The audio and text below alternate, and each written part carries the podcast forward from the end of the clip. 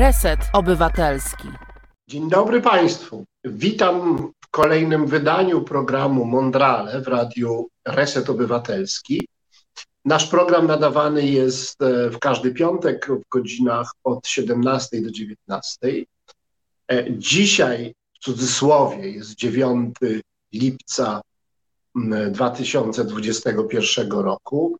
W cudzysłowie, dlatego że e, wyjątkowo ten program nagrany jest trochę wcześniej, e, czyli do tak zwanej puszki, mm, za co bardzo przepraszam. Winien jestem temu ja, bo mm, tego dnia, gdy ten program jest e, emitowany po raz pierwszy, znaczy ma swoją premierę i pozostanie już na zawsze w internecie, ja mam być, no kto wie czy będę, ale mam być w Meksyku, e, zupełnie niepewny swojego wyposażenia e, internetowego. Wolałem więc na wszelki wypadek nagrać ten program wcześniej.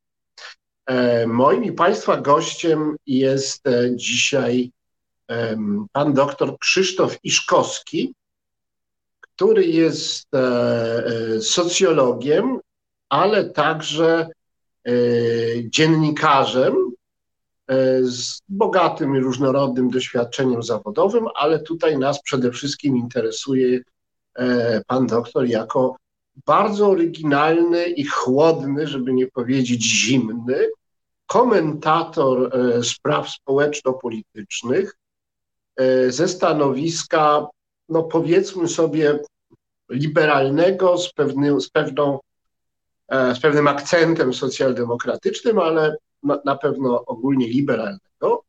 Znany jest z różnych poważnych tytułów, grubych czasopism, e, od krytyki politycznej do Liberté, mm, czyli czasopisma e, łódzkich, łódzkich liberałów Leszka Jażdżewskiego, czasopisma, z którym też zresztą E, miałem swego czasu wiele do czynienia i nieraz tam e, publikowałem. E, ale chyba szerszej publiczności Krzysztof znany jest jako autor zupełnie brawurowej, alternatywnej czy kontrfaktycznej historii Polski. Takiej książki ten Ofiary losu, która nie przeszła bez echa bynajmniej. Ukazało się sporo E, komentarzy. To jest taka książka, którą czyta się z pewną frustracją i żalem, bo trochę z niej wynika, tak, trochę z niej wynika, że gdyby się parę rzeczy inaczej poskładało, to, e, to może by była taka wielka, potężna e, słowiańska republika teraz w środku, w środku Europy. I, w ogóle wszystko mogło się mm, udać znacznie, znacznie lepiej. E, może o właśnie od tego zacznę, nie od Polski jako takiej, tylko zadam Ci to pytanie, które no pewnie jest banalne i inni też Ci zadają, ale to jest, e, to się narzuca, to, to trudno, trudno od tego uciec. Mm, no, każdy historyk, a nawet historyk amator, no bo jesteś socjologiem i to też jest niezwykle budujące i godne podziwu, że tak dużo przeczytałeś książek historycznych, będąc jednak niezawodowym historykiem, no ale każdy, kto się historią para, e, no próbuje nadać jej jakąś spójność, jakiś sens, to znaczy pod powierzchnią faktów mniej czy bardziej przypadkowych czy przygodnych, które mogłyby być takie, ale przecież mogłyby być nieco inne, jakaś potyczka mogłaby być wygrana bądź przegrana, ktoś mógłby umrzeć wcześniej lub później. No mnóstwo się rzeczy dzieje na zasadzie jakiegoś wypadku. No więc wierzymy, że y, trochę niezależnie od tych rozstrzygnięć przypadkowych czy przygodnych toczą się jakieś procesy, jeśli niekonieczne, to mające dużą siłę bezwładu i nie poddające się tak łatwo sterowaniu intencjonalnemu, y, a więc, że historia może nie tyle ma sens, co ma jakąś mm, e, wewnętrzną spójność i konsekwencje, ma jakiś swój bezwład i ukierunkowanie i pewne wyjątkowe jednostki w szczególnych okolicznościach, albo też jakieś grupy w pewnych miejscach, w pewnych punktach czasu są w stanie dokonywać pewnych modyfikacji tych zasadniczych mm, ukierunkowań. No więc trochę jest w naszych rękach, trochę nie jest, ale generalnie to wszystko nie jest ciąg przygodnych zdarzeń. No i na przykład, jeżeli istnieje Polska na mapie, no to pewnie miała być. To znaczy, gdyby nawet e, e, Mieszko I ze swoimi wojami tam nie przemierzał kraju, nie zbierał jakichś tam ziem, to może ktoś inny zrobiłby coś podobnego na tym terenie. E, gdyby nie przyjęto słowo, słowa Polska jako mm, nazwy powstającego księstwa, no to może byłoby to inna nazwa, ale by coś tutaj było takiego. Gdyby nie to, że gdyby i trochę inna była marszruta tych, tego zbierania ziem, to może nie byłoby tu, tylko trochę tam. Ale zauważ, że jak ja mówię, mm, e, próbuję udowodnić, że w pewnych generaliach historia jest jednak logiczna, to teraz dekonstruuję to, co mówię, pokazując, że te niby przypadki, które są Mm, no, bezradne wobec tych zasadniczych, bezwładnych tendencji, powodują takie modyfikacje, że już właściwie nie wiadomo, co to jest, co jest tym, co zostaje tą, e, e, tą, tą tęże tendencją. No na przykład kraj się może inaczej nazywać. E, inna może być dynastia, która w nim rządzi. Trochę inne jego granice. Czy to jest ten sam kraj? No nie. No więc w świetle tych rozważań, paradoksów, chciałem się Ciebie zapytać o, o to, jakie jest poznawcze, heurystyczne znaczenie rozważań kontrfaktycznych i czy one są e, niezbędnym uzupełnieniem e, badań historycznych. O badaniach historycznych wolałbym się nie wypowiadać, dlatego że i tak sądzę, że dosyć E, z dużą dezynwolturą wszedłem na teren historyków, e, pisząc książkę historyczną i e, specjalnie starałem się utrzymać ją w tonacji publicystycznej, a nie naukowej, dlatego że to nie jest mój obszar specjalności akademickiej. W związku z tym warsztat zostawmy na boku. To, co robiłem w tej książce, to też nie jest tak bardzo pisanie historii alternatywnej, ile zwrócenie uwagi w dobrze znanych i nie budzących wątpliwości e, faktach na to, że one mogą być inaczej interpretowane niż e, normalnie się to czyni. E, dlatego, że moim zdaniem, i to jest pewnie perspektywa socjologiczna właśnie, najważniejsza, najważniejszym elementem historii jest to, w jaki sposób ona jest używana przez ludzi, którzy ją pamiętają i wybierają sobie pewne elementy, żeby zapamiętać, a pewne elementy, żeby zapomnieć.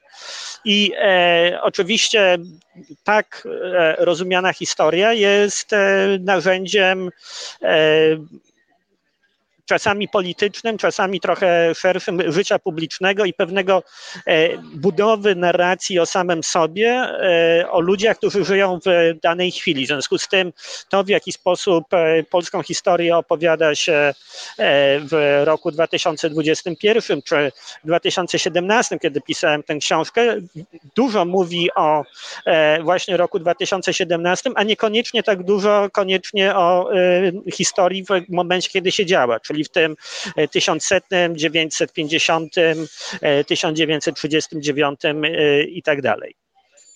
E, e, w związku z tym e, główne takie jest to, widać to w ostatnio publikowanych książkach historycznych, które też mają służyć jakimś e, praktycznym e, celom e, obecnego, obecnych programów politycznych, czy budowy pewnej narracji o tym, kim jesteśmy, skąd się wzięliśmy i dokąd zmierzamy. Dlatego, że z jednej strony mamy dosyć nachalną i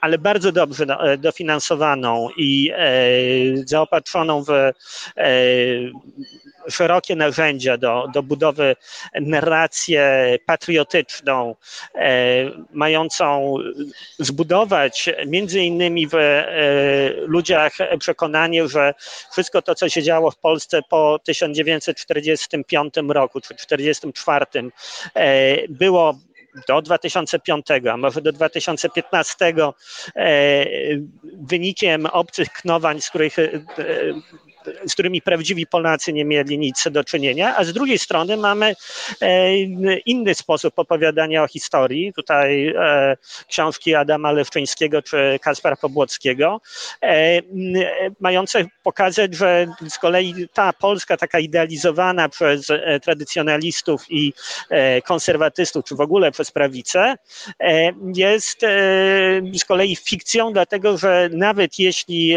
rzeczy, które są opowiadane, działy się naprawdę, to były one e, przeżyciem czy doświadczeniem niewielkiej grupy, podczas gdy zdecydowana większość była wtedy w stanie de facto e, niewolniczym.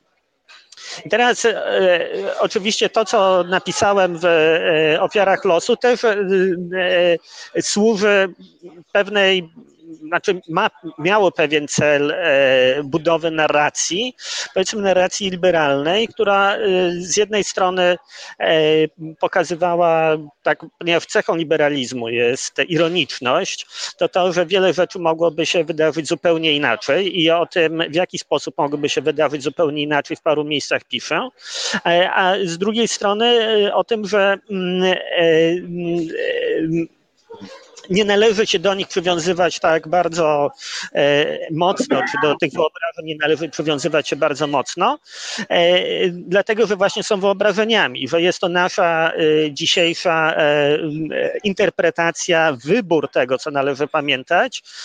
W związku z tym można sobie wybrać na przykład taki sposób interpretacji, jaki, proponuje w, jaki proponują w ofiarach losu.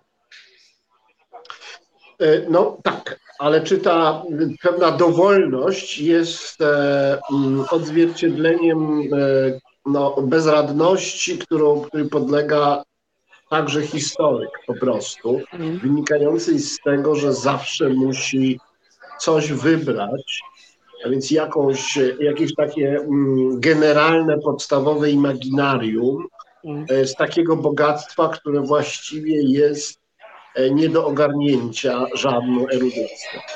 Jak zrozumiałem, no, y, y, są, jest historia, historia i są jakieś kontrfaktyczne rozważania, które oświetlają może to, co się, co się wydarzyło, pozwalają lepiej zrozumieć, ale przecież te narracje historyków faktycznych, którzy się faktyczną historią zajmują, mogą być tak rozbieżne, bez złej woli, tylko z racji uwypuklenia innych rzeczy, że to w ogóle cały dyskurs historyczny jest straszliwie zalternatyzowany.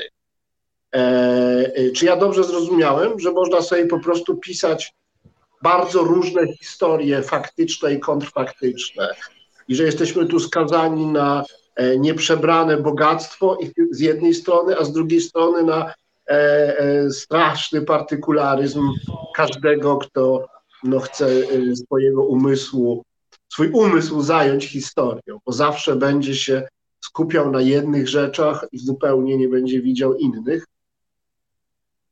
E, tak, to, to, to, dotyka głównie profesjonalnych historyków, do których się nie zaliczam, e, dlatego że e, ciągle, oni ciągle mają ambicje opowiedzenia, jak było. E, w sytuacji, kiedy e, ta opowieść o tym, jak była, jak było bardzo, w bardzo dużym stopniu uwarunkowana jest tym, jak e, oni sami przyzwyczaili się postrzegać rzeczywistość. I ta, to przyzwyczajenie często wynika ze wcześniejszych opowieści o wydarzeniach historycznych, którymi się zajmują. W związku z tym to jest można sobie wyobrazić bardzo e, precyzyjną i e, bardzo obiektywną, powiedzmy bardzo zimną historię, która jest pisana takim faktograficznym językiem i e, mm, dotyczy e, bardzo e, drobnych wycinków, dobrze zbadanych, powiedzmy 5 lat w jakiejś miejscowości pomiędzy tym rokiem a tym, która opisuje kto co zrobił, co się w tym momencie wydarzyło i ma bardzo mało własnych interpretacji. Natomiast jest to na pewno bliskie, czy można coś takiego nazwać działaniem naukowym czy dokumentacyjnym, natomiast nie jest to ten rodzaj historii, jaką e, ludzie najchętniej się e, zajmują czy czytają e, powiedzmy z zaciekawieniem, czy po to, żeby zrozumieć, co się z nimi, skąd się wzięła rzeczywistość, która ich otacza, dlatego że dla nich z kolei fajne są takie narracje dosyć duże i wyjaśniające dużo rzeczy za jednym zamachem. No i właśnie taką narrację ciągnącą dotyczącą całego tysiąca lat e, polskiej historii, od Bolesława Chrobrego po e, Leszka Balcerowicza. E, starałem się napisać nie ukrywając, że jest to pewien sposób interpretowania wydarzeń, które się w ciągu tych tysiąca lat, czy ponad tysiąca lat wydarzyły.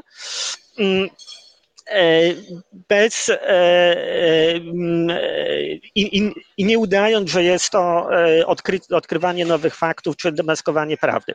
To jest bardzo zabawne, te wszystkie rzeczy, które opisuję, znajdują się na, jakby one są w zasięgu ręki. To znaczy, to nie, nie spędziłem ani jednego dnia w archiwum. Wszystko to, co na czym oparłem szkielet opowiadania, to są rzeczy, które można wyczytać z podręczników akademickich, uh, paru monografii. E, to jest, e, to naprawdę nie jest, nie jest wiedza tajemna i nie wymagała żadnego głębokiego odkopania. Natomiast to, co mam nadzieję jest nowatorskie i mam nadzieję jest ciekawe, to jest zinterpretowanie czy skomentowanie tych wydarzeń w trochę inny sposób. To znaczy w opisując nie wiem, powstanie warszawskie, zwrócenie uwagi na to, że E, e, pewne mm, emocjonalne e, czynniki w tej chwili uniemożliwiają czy bardzo utrudniają racjonalne, racjonalną ocenę sensu tej operacji i nawet tego, jeśli by przyznać, że był sens prowadzenia takiej operacji, to roz, rozmysłu czy sensowności przygotowania jej dokładnie w właśnie w taki sposób, w jaki została przygotowana. Dlatego, że jeżeli rzeczywiście e, mm, y, y, tak jak e, e, obrońcy czy zwolennicy tezy, że decyzja o wybuchu powstania była decyzją słuszną, utrzymują, należało wymusić czy liczyć na pomoc e, aliantów zachodnich, no to wtedy pierwszym zadaniem w 1944 roku, 1 sierpnia, powinno być opanowanie lotnisk wojskowych, które były w Warszawie trzy. E, I owszem, powstańcy podjęli taką próbę, natomiast nie było to, e, nie była to całość ich działania, dlatego że mm, dlatego że pewne siły okazało się, że niewystarczające zostały e, rzucone do zdobywania lotnisk, ale w tym samym czasie o godzinie 17 podjęto wiele innych działań. Podczas gdyby rzeczywiście przejąć sensowność takiego oczekiwania, że pojawią się zrzuty i być może zainstaluje się polski rząd w Warszawie, zanim wejdzie tutaj Armia Czerwona, no to w zasadzie powinien być to jedyny, jedyny cel działań 1 sierpnia. Okęcie, pole mokotowskie i, e, i lotnisko na. Hmm. A powiedz mi, e, no, powstanie warszawskie to najnowsza niemalże historia. A Twoim zdaniem, co poszło źle? Czy są jakieś takie węzłowe e, punkty w dziejach Polski, kiedy właśnie można było mm, trochę zmienić zwrotnicę, gdzie konkretne decyzje konkretnych ludzi rzeczywiście mogły mieć wpływ długoterminowy e, na e, sytuację Polski i na kierunek rozwoju polskiego e, społeczeństwa. No bo poszło źle, tak? Znaczy staliśmy się z kraju, który kiedyś był silny, potem staliśmy się coraz bardziej marginalnym i zacofanym krajem, wreszcie no, tracącym zdolność utrzymania niezależności. E, no i to wszystko tak jakoś w tym zacofaniu pozostało. Rewolucja się liberalna mm, nie dokonała. Reakcji, reakcja, katolicyzm narodowy mm, opanowały życie polityczne w zasadzie niemalże całości. No i tak no dzisiaj jesteśmy takim krajem na uboczu, który ciągle musi nadrabiać i ciągle musi e, lizać swoje rany i leczyć swoje kompleksy, co nie sprawia, żeby był szczególnie z tego powodu szanowany czy, czy lubiany. A przecież no, jesteśmy w środku kontynentu. Wprawdzie nie było tu nigdy Imperium Rzymskiego i do tej pierwotnej wspólnoty imperialnej nie należeliśmy, no ale bardzo blisko. Kraj był katolicki, co akurat w średniowieczu ułatwiało, a nie utrudniało mm, e, postęp. E, no ale jakoś ta reformacja się nie udała. E, zostaliśmy po tej stronie takiej zacofanej klasa szlachecka jakoś nie dopuściła do rozwoju klasy mieszczańskiej, mimo że w XVI wieku niby w Polsce całkiem dobrze się wiodło, przynajmniej w nad, na nadwiślańskich terenach e, i były podstawy po temu, żeby jakiś e, nowoczesny, e, nowoczesny świat mieszczański tutaj się rozwinął. No więc pytam raz jeszcze, co tak właściwie się źle zadziało i gdzie mogło być inaczej? Czy myśmy byli skazani na ten los takiego bufora państwa e, środka buforowego e, siłą rzeczy nie, bez przynależności takiej mocnej i, e, i, i zacofanego, bo, bo oddalonego od centrum wydarzeń czy przemian cywilizacyjnych, czy też po prostu straciliśmy pewne szanse. E, zacznę od e, dygresji na temat jednego z e, wątków, który powiedziałeś o środku kontynentu. Otóż e, sam kontynent, pojęcie, że jest jakaś Europa, w której akurat Polska jest e, e, po środku, jest konstruktem społecznym. To znaczy e, określenie, gdzie jest koniec e, Europy Wschodniej, od czego również zależy, gdzie jest e, środek, było przedmiotem debaty geografów, ale ta debata była zawsze polityczna. To akurat tym się zajmowałem wcześniej pisząc doktorat o historii koncepcji integracji europejskiej, no ale e, Polska jest w środku Europy tylko wtedy, jeśli przyznać, że koniec Europy jest na Uralu. A to jest pewien e, konstrukt, e, czy decyzja powszechnie akceptowana, podjęta w XVIII wieku przez geografów, ale dosyć arbitralna i inaczej niż w przypadku nie Australii, która jest bardzo dużą wyspą, tak dużą wyspą, że konwencja nazywają kontynentem, albo Afryki, która jest e, prawie wyspą i w związku z tym też łatwo jest określić, e, gdzie się kończy, a jeśli są jakiekolwiek wątpliwości, no to jest czy w jednym przesmyku pomiędzy Morzem Czerwonym a Śródziemnym, czy w drugim. No to w przypadku Europy e, ta granica może zostać wyznaczona arbitralnie w dowolnym punkcie, a może nawet nie być wyznaczana. I pod tym względem no, mówienie, że Polska leży w środku Europy, już opiera się na jakimś tam e, konstrukcji. I to jest dokładnie to, co mówiłem przed chwilą, że e, historycy opowiadając historię, sami e, często nieświadomie używają pewnych kategorii, które zostały im wpojone, często jeszcze zanim, często jako kategorie niehistoryczne, czy o których nie zdają sobie sprawy, że są częścią warsztatu. Nie chcę ich za to krytykować, bo oczywiście e, wszyscy tak e, robimy i w innych e, dziedzinach wiedzy nie jest inaczej, ale to już je, mówienie o, o Polsce w środku Europy jest używaniem pewnego konstruktu. Druga dygresja to jest na temat leczenia kompleksów. Otóż taki może bon mot, ono najlepiej wychodzi, to leczenie kompleksów i lizanie się z ran, kiedy się nim nie zajmujemy. To jest tak, że w momencie, kiedy Polska zajmuje się sobą i normalnymi sprawami, normalnym życiem i nie myśli o tym, co świat sobie o niej pomyśli, e, e, czy Polacy e, działają na użytek wewnętrzny, to ich wizja czy ich obraz w zewnętrznym świecie jest o wiele lepszy niż w momencie, kiedy, kiedy starają się wstać z kolan, przekonać wszystkich, żeby ich szanowali i tak dalej. W związku z tym, i, ale to jest taka obserwacja, no, powiedzmy, no, już zupełnie poza, poza książką, jakby biorącą się z moich E, obserwacji, e, obserwacji tego, jak, e, jak nie Polacy mówią i, i myślą o Polsce. Teraz jakby główna część, te zwrotnice, jakby ich cechą szczególną jest to, że często z reguły dopiero jak się już bardzo daleko od tej zwrotnicy odjedzie, to się okazuje, że to był ten moment zwrotny, od którego wszystko, co się później E, wydarzyło, e, zależy i e, w którym nastąpiły nieodwracalne konsekwencje. To jest jakby na poziomie indywidualnym, to jest motyw bardzo wielu filmów, opowieści tego, co się, tak, to, to, wzięcie tej czerwonej albo niebieskiej pigułki. Tak?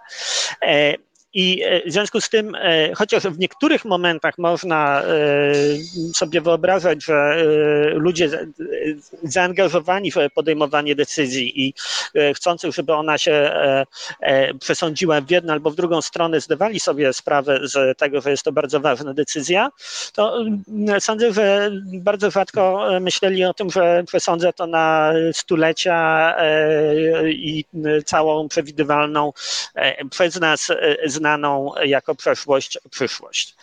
E, I teraz e, konkretnie jakby te momenty, w których e, moim zdaniem los Polski się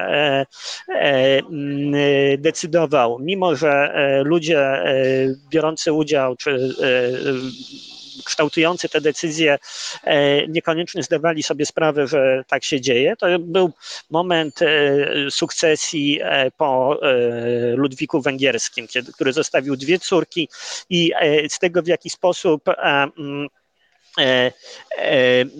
zarządzał ich, e, czy w jaki sposób zdecydował o ich małżeństwach, wynikało jasno, że to nie Jadwiga, tylko Maria była, miała być królową w Polsce. I przez to, że jej narzeczony, czy potencjalny mąż miał być był władcą ziem przylegających do Polski, czyli to była wizja stworzenia dwóch e, królestw dla dwóch sióstr z udziałem e, ich, e, ich mężów.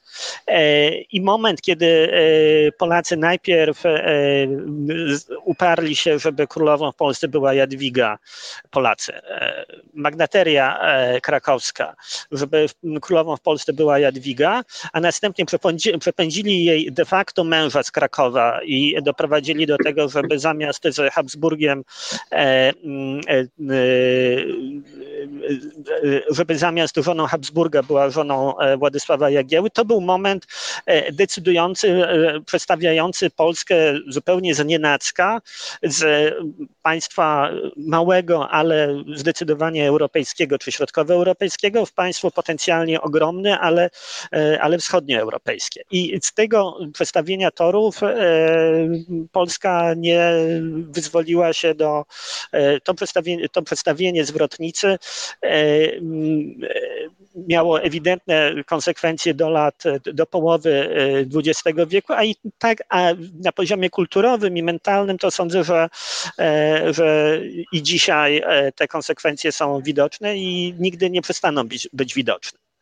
Drugi moment, o którym wspomniałeś, no to jest rok 1555, kiedy król e, Zygmunt August e, lekceważy e, uchwałę Sejmu o tym, że ma być zwołany, że ma powstać polski Kościół Narodowy, de facto, dlatego że do tego sprowadzała się uchwała Sejmu, żeby zwołać synod i nie realizuje tego. A potem dzieją się różne rzeczy. Partia, która akurat to przegłosowała, słabnie i Polska zamiast, czy Rzeczpospolite, dlatego że to nie tylko Polski dotyczyło. E, mm, e, zamiast e, podążyć drogą reformacji i budowy państwa narodowego w tej wczesnej nowożytnej formie, idzie w stronę, y, staje się terenem kontrreformacji i to bardzo szybko y, postępuje w następnych latach. No i potem jest 1610-1612 y, rok, kiedy w wyniku rozpadu czy zamętu w, w Rosji korona carów znajduje się de facto w rękach polskiego królewicza, który jeśli by patrzeć na historię, na jakiś, na jakoś, na jakiś e, e, koherentny i racjonalny projekt, który się tam dzieje przez stulecia, no to ta decyzja e, e, krakowskich z e, końca XIV e, wieku wtedy właśnie przynosi swoje owoce, dlatego że oto polski władca może E, stać się panem również e, Moskwy i w związku z tym zjednoczyć wszystkie ziemie ruskie pod swoim berłem. No ale jest e, warunek religijny, który wtedy Władysław, Zygmunt III raczej w jego imieniu odrzuca. I, I w tym momencie cały ten wielki gamble, żeby wypisać się z Europy, czy odwrócić tyłem do tego, co się dzieje w Europie, zrezygnować ze Śląska, i e, innych e, ziem tego bardzo wczesnego polskiego państwa sprzed 300 e, lat, z tamtej perspektywy, kiedy decydowano o rządach i ślubie Jadwigi, ta decyzja staje się bez, mm, mm, staje się bezsensowna. To znaczy ta e, odmowa, odmowa przyjęcia korony moskiewskiej w imię, e, w imię katolickiej spójności i ortodoksji e, mm, skazuje Polskę na, czy Rzeczpospolitą obojga narodów na dalszą konfrontację z Moskwą, którą w końcu Rzeczpospolita przegrywa. I, i wtedy, e, i jeśli spojrzeć na to z takiej długiej perspektywy, no to to, że, e, że e, Polska znika w wyniku, czy Rzeczpospolita znika w wyniku zaborów z mapy, jest właśnie konsekwencją przegranej, przegranej rywalizacji. No to jest trochę jak w grze w cywilizację. Ci, którzy grają, to wiedzą, że tam państwo zdarza się, że państwa walczą na śmierć i życie, no i jedno z nich, e, to, które przegrywa, no to przestaje, znika z mapy. E, czyli e, krótko mówiąc, gdyby nie mm, fanatyzm naszych, naszej magnaterii katolickiej, to dzisiaj moglibyśmy płacić złotymi za nasze wakacje gdzieś na Sachalinie e, nad Oceanem e, Spokojnym, tak? To coś takiego. Akurat nie magnaterię bym tutaj obwiniał. Ten fanatyzm był raczej po stronie króla i to jest Zygmunta III i to jest właśnie ten element, kiedy jednostki wywierają wielki wpływ na bieg historii, nie zdając sobie z tego sprawy i będąc e, albo przekonany, że wpływ, który wywierają jest słuszny, albo e, nawet e, nie zauważając, że ich decyzje będą mieć długofalowe, długofalowe skutki. No tak czy inaczej bardzo żałujemy, że nie jesteśmy mocarstwem od Bałtyku po, po Mandżurię. Ale dlaczego? Jakby, jakby, czy wolałbyś pojechać e, na wakacje na Sachalin niż do Meksyku? Wiesz co? Dobre pytanie. Nie jestem pewien. Jeszcze, jeszcze po Kamczatka jeszcze ciągle z tego wszystkiego. E, no w każdym razie e, to wszystko pod warunkiem, że ludy zamieszkujące Syberię chciałyby się podporządkować nam nawrócić, a żebyśmy byli lepszymi utrwalaczami kolonii niż rosyjscy carowie. Nie jestem wcale tego pewien. Ale przejdźmy do, może do, do czasów bliższych nam, y, bo to są czasy jednak zamierzchłe, o czym teraz mówisz. Mnie niepokoi zawsze mm, jedna rzecz w historii XX wieku, w polskiej historii, e, bo się boję, że coś się może powtórzyć. Myśmy w 30 latach byli niezwykle zaprzyjaźnieni z Niemcami gdy umarł Piłsudski, e, Adolf Hitler bardzo te, żałował, e, wziął udział w specjalnych uroczystościach, e, takich żałobnych na cześć Piłsudskiego. Później jeszcze przez trzy lata te stosunki były dobre.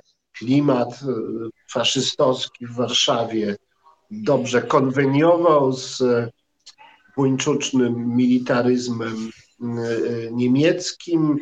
W 1938 roku przyłączyliśmy się do rozbioru Czechosłowacji. No, wydawałoby się, że, są, że przyjaźń polsko-niemiecka kwitnie. A tu nagle nastąpiła jakaś zadziwiająca katastrofa. W bardzo krótkim czasie wszystko się o 180 stopni odwróciło.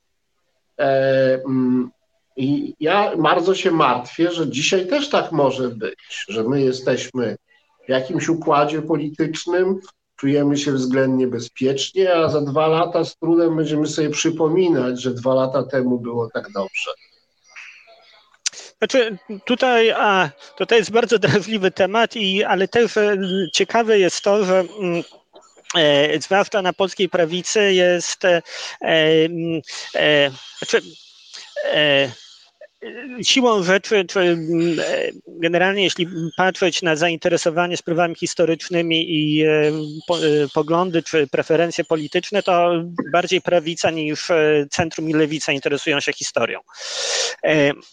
Ale tak człowiek nie jest e, przypadkiem, że jeżeli e, pójść na stację benzynową albo do kiosku ruchu i popatrzeć na okładki kolorowych czasopism, a jest bardzo dużo mie historycznych miesięczników wydawanych jako dodatki do różnych tygodników i e, e albo jako samodzielne e, pisma, to z reguły zawsze w każdym miesiącu przynajmniej na jednej będzie jakieś odwołanie do III Rzeszy, Hitlera i tak dalej, i tak dalej. I to jest pewna e, socjologicznego punktu widzenia wielka i niepokojąca, mm, trochę zadziwiająca e, e, fascynacja e, tym okresem i nazistowskimi Niemcami w Polsce 70 lat później które moim zdaniem jest, wynika po, w części z e, zapamiętania, z takiej podświadomości, nie w pełni, uświadomego, nie w pełni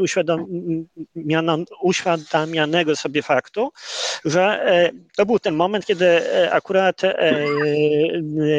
polski rząd próbował grać podmiotowo i od bardzo dużą stawkę i E, i dosyć ryzykownie, taki no, po angielsku nazywając gamble.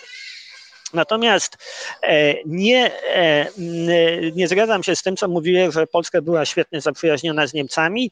To było na poziomie politycznej gry i dosyć niskiego poziomu zaufania po obydwu stronach, który, na który mógł się rozwinąć w inną e, e, stronę, natomiast po e, polskiej stronie to była taka rzeczywiście hazardowa zagrywka, to znaczy podwyższyć swoje znaczenie wobec, wobec Francji, która była wtedy jedynym może nie jedynym, ale Polska miała dwóch sojuszników, Francję i Rumunię, podwyższyć swoje znaczenie wobec Francji, pokazując jej, że Polska może dogadać się z Niemcami I w momencie podwyższenia czy wzmocnienia swojego, swojego znaczenia i podmiotowości w relacjach z Francuzami, doprowadzić jednak do tego, żeby razem z Francuzami walczyć przeciwko Niemcom. I to wynika, to zostało opisane w latach 60. przez brytyjskiego historyka Taylora w takiej książce o powodach II wojny światowej, który wychodził, jakby przedstawił to w bardzo prosty sposób. Mianowicie, że pierwsza wojna światowa skończyła się na zachodzie wygraną aliantów, ale na wschodzie skończyła się wcześniej wygraną Niemiec. I Natomiast powstanie niepodległej Polski było związane z wygraną wojną przeciwko Rosji Sowieckiej, ale przegranymi, przegranymi plebiscytami na ziemiach, de facto przegranymi, znaczy plebiscyt na Śląsku był przegrany, ponieważ większość terytorium trafiła do, została, pozostała przy Niemczech, a plebiscyt na, na Warmii był w całości, w całości przegrany. I Polska budując swoją podmiotowość, to jest taka trochę psychoanalityczna kategoria, jakby nie miała problemu z Rosją czy ze Związkiem Sowieckim, bo tę wojnę już wygrała, natomiast do utrwalenia swojej podmiotowości potrzebowała wygranej wojny, wygranej wojny z Niemcami. I w latach 30. Polacy wiedzieli, że tej wojny sami nie wygrają, natomiast jeżeli tylko uda się wciągnąć do niej sojuszników zachodnich, Francję, to będzie to dosyć proste. I to też w niemieckie źródła, czy niemieccy wojskowi przesłuchiwani po, po II wojnie światowej potwierdzają, że jeżeli by w 1939 roku alianci zachodni, w szczególności Francuzi, ruszyli z ofensywą na Niemcy, to Niemcy by wojnę w 1939 roku przegrali i byłoby to, Polska wyglądałaby mniej więcej tak jak w rzeczywistej historii alternatywnej w książce Ziemowita Szczerka Ham z kulą w głowie. Tak? To znaczy byłyby wspomnienia tej triumfalnej, krótkiej wojny 1939 roku i oczywiście wiele nierozwiązanych problemów wynikających z niedopasowania potencjału militarnego, gospodarczego, intelektualnego państwa, które by, które by wtedy istniało. Natomiast Dlaczego się to nie udało? Dlatego, że rządy z lat 30. były zbyt wiarygodne w budowaniu tej narracji, że można, że Polska ma alternatywę i może się dogadać z Niemcami zamiast z Francją. W związku z tym w momencie, jak wojna wybuchła, to i w tych tygodniach, kiedy Francja rzeczywiście mogła Eh, spełnić rolę wyznaczoną jej przez Polskę, czyli zaatakować Niemcy od tyłu i doprowadzić do zwycięstwa Polski i Francji nad Niemcami. Cztery kluczowe tygodnie upłynęły na tym, że francuski rząd, że Francuzi zaczęli wymieniać polski rząd z tej ekipy, którą uznawali za proniemiecką, na ekipę, która będzie im, która będzie wobec nich o wiele bardziej potulna. I w momencie, jak się to dokonało, no to już frontu w Polsce nie było. I teraz, i, i, teraz, I teraz, jeżeli by w jakikolwiek sposób to odnosić do obecnej sytuacji, no to ryzyko, które bym widział, to, to że w, gdyby rzeczywiście nastąpił konflikt z Rosją, to opowieść o prorosyjskim czy obiektywnie sprzyjającym rosyjskim interesom rząd, rządzie w Warszawie mogłaby, e, mogłaby doprowadzić do tego, że e, e, Polska uzyskałaby równie mało pomocy jak w 1939 roku, dlatego że no właśnie jest to,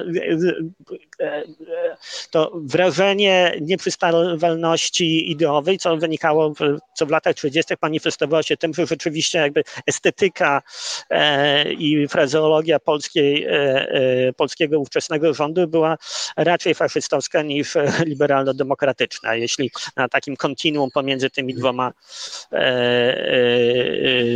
pojęciami ją umieszczać. No potwierdzasz moje najgorsze obawy. Mnie też się wydaje, że w percepcji Zachodu jesteśmy wciąż po prostu jakimś kulturowym e, dominium e, rosyjskim.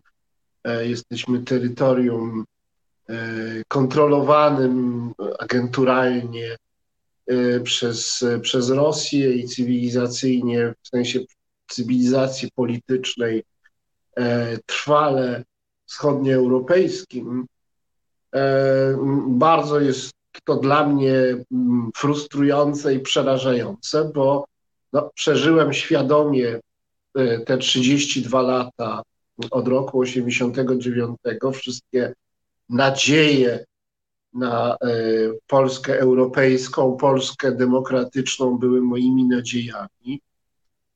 I to wszystko gdzieś się rozwiało. Za chwilę zagramy piosenkę, a właśnie po piosence chciałbym Cię zapytać o początek tej nowej Polski, w której e, żyjemy, wciąż, tej tak zwanej trzeciej Rzeczpospolitej. Mm, co się takiego stało mm, złego na początku, że dzisiaj e, tak dużą cenę płacimy, że nam się ten projekt modernizacyjny i liberalny rozłazi w szwach, a y, populizm wschodnioeuropejski y, y, zblatowany z klerykalizmem kwitną, świętszą triumfy. E, teraz jednako, jednakowoż przerwa na mm, piosenkę. Widzimy się za mm, kilka minut. Słuchasz Resetu Obywatelskiego.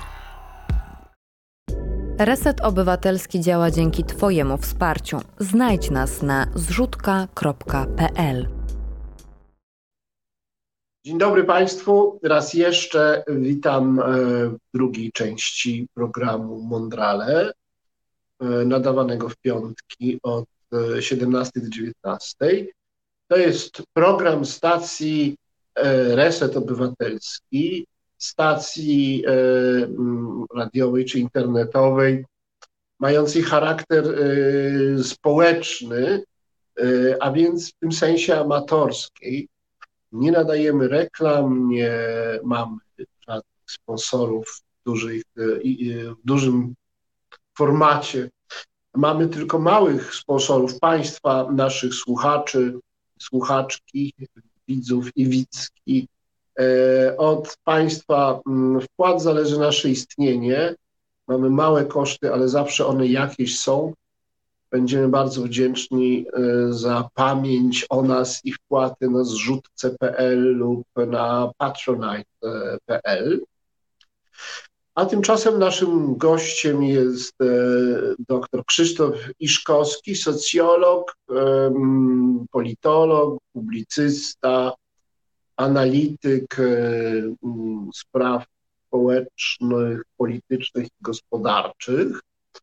E, przed piosenką zadałem pytanie mm, o to, o jakiś błąd u zarania, jakiś grzech pierworodny III Rzeczpospolitej, o to, co się takiego stało w roku 89, 90, 91, że teraz płacimy wysoką cenę E, za mm, no, jakieś niedostatki. Zwykle się wskazuje w tym miejscu na mm, zbytni radykalizm reformy Balcerowicza, na zbytnią ugodowość wobec Kościoła katolickiego. E, wielu ludzi opinia mm, Wałęsę, inni go bronią. Ciekaw jestem opinii Krzysztofa o tych sprawach. Czyli rozmawiamy ciągle o historii, bo to, to, to, jest, e, to jest historia i rzeczywiście był moment e, zwrotny, czy ta zwrotnica, e, która została wtedy przestawiona w pewnym kierunku, z czego mm, główni aktorzy niekoniecznie sobie zdawali sprawę. A być może dopiero po latach docenili wagę tego, w jaki sposób ją no, przedstawi, przedstawili. I to, co piszę w ofiarach losu, to jest wybór dokonany mm, w momencie wygrania przez Solidarność wyborów 89 roku, kto ma być premierem. E, dlatego że wtedy są trzy wielkie e, postaci. E, Jacek Kuroń, Bronisław Geremek i Tadeusz Mazowiecki. I w zasadzie od wskazania Lecha Wałęsy, który jest przywódcą Solidarności, zależy, który z nich, który z nich zostanie premierem. A to, który z nich zostałby premierem, określiło moim zdaniem w bardzo dużym stopniu to, co się działo przez e, e, następne 30, co się do tej pory dzieje. I tutaj jest taki, taka kategoria e, wzięta z e, genetyki i e, teorii ewolucji e, zamrożonego przypadku. To znaczy, e, zakładając, że decyzja pomiędzy tymi trzema kandydatami w 1989 roku e, była przypadkowa, no to ten przypadek potem zamarzł i stworzył czy zdefiniował w dużym stopniu to, co się e, mm, działo w e, III Rzeczpospolitej. No i e, tutaj mm, jednym z aktorów biorących udział w, w przedstawianiu zwrotnicy w 1989 roku, w lecie, był Jarosław Kaczyński, wówczas doradca Lecha Wałęsy, który doprowadził do tego, że tym wskazanym kandydatem na premiera był Tadeusz Mazowiecki ponieważ spośród e, tej trójki, Kuroń, e, Geremek, Mazowiecki, to Mazowiecki był najbliższy e, sposobowi myślenia i najbliższy ideowo Kaczyńskiemu. Był też najbardziej mm, religijny i prokatolicko nastawiony. W zasadzie był jedynym z tej trójki, jedynym wierzącym, był jedynym katolikiem wśród tej trójki. I e, to, że to on został e, wskazany na, a równocześnie miał też e, doświadczenie, czy długoletnie robił karierę polityczną w systemie, w poprzednim systemie, w, w mm, będąc posłem na Sejm PRL. Oczywiście był tam posłem nie dominującej partii i, nie, i, i, i niekomunistycznym i spotykało go z tego powodu, że e, był wyrazicielem e, innych poglądów niż PZPR-owskie, spotykały go z tego powodu nieprzyjemności, no ale jednak na poziomie kontynuacji miał pewne doświadczenie z działania w tamtym systemie, a równocześnie na poziomie własnych preferencji ideowych miał e, zdecydowanie e, prokatolicką e, i prokościelną, klerykalną, nawet bym powiedział, postawę. Z dzisiejszej perspektywy to należy uznać za klerykalną. No i to, że Trzecia Rzeczpospolita była jest państwem z bardzo dużym politycznym wpływem Kościoła na życie publiczne, ma e, swoje źródło właśnie, właśnie w tamtej decyzji, w tam w zwrotnicy przedstawionej w tamtym momencie. Zresztą Wałęsa, jak wiadomo, bardzo szybko pożałował pożałował decyzję o wystawieniu Mazowieckiego, o nominowaniu no, e, Mazowieckiego na premiera, dlatego że w ciągu roku Mazowiecki emancypował się z, z, spod kurateli Wałęsy, rzucając mu wyzwanie w wyborach prezydenckich. Zwróćmy uwagę, że to jest coś niewyobrażalnego. Znaczy, to jest tak, jakby po roku od nominowania na E, premier, Beata Szydło e, wystąpiłaby przeciwko Jarosławowi Kaczyńskiemu. Tak? albo gdyby zrobił to Mateusz Morawiecki. Znaczy, to są rzeczy, które dzisiaj są niewyobrażalne w istniejących partiach, tak samo jak to, że 5 lat temu, nie wiem, 10 lat temu ktoś dopiero co namaszczony przez Tuska do ważnej funkcji kontestowałby jego przywództwo, a wtedy w 90 roku się to, się to zdarzyło. Wałęsa mówi, przynajmniej powiedział parę razy, że żałuje tamtego wyboru i że Geramek byłby o wiele lepszym wyborem. Ja też tak uważam. Mhm. No, mm, ciekawe, że w tej opowieści e, Jarosław Kaczyński odgrywa taką demoniczną i demiurgiczną rolę.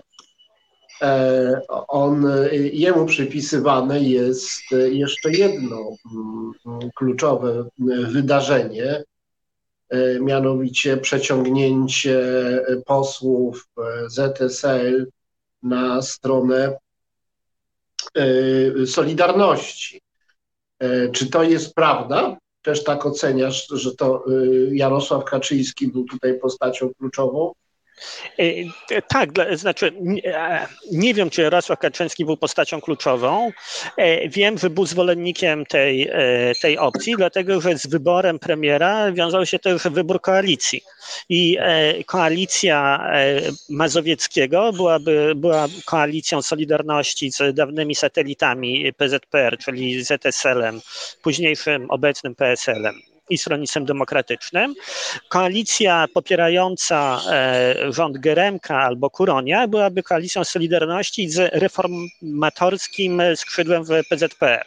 To, to byłaby też większość parlamentarna, natomiast innej natury, e, innych e, i to, że w zasadzie nigdy do do naszych czasów nie powstała e, w Polsce koalicja postsolidarnościowa i postkomunistyczna, e, no, też jest takim e, zamarzniętym, zamarzniętym przypadkiem z tamtego, z tamtego okresu. Więc tak, no ZSL był w pakiecie z Mazowieckim. Tak, to jest zupełnie niezwykłe, jaka jest ogromna sprawczość Jarosława Kaczyńskiego. To istnie diaboliczna postać polskiej polityki, Um... Niekoniecznie, znaczy jakby nie jest pewne, że to on odegrał tam kluczową rolę. Natomiast e, dwie koncepcje i wybór drogi w tym momencie z trzech dostępnych był, jest faktem. Chciałem poruszyć teraz sprawę reform gospodarczych.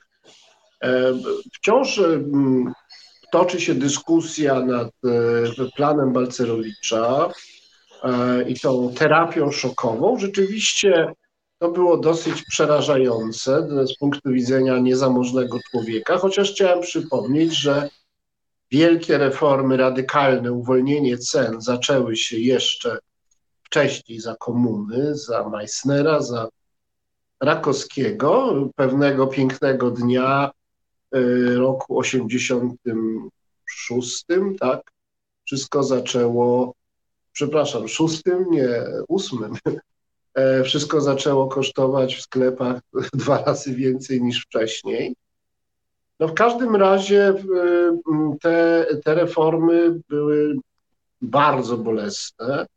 Panowało przekonanie, że z zakładów pracy takich PRL-owskich nie da się już na ogół nic zrobić, że one nie, e, nie będą e, mogły konkurować na wolnym rynku ani wewnętrznie, ani zewnętrznie, że z tych kolektywnych gospodarstw rolnych, z PGR-ów też nic nie będzie, że właściwie trzeba wiele rzeczy rozwiązać, rozpędzić na cztery wiatry,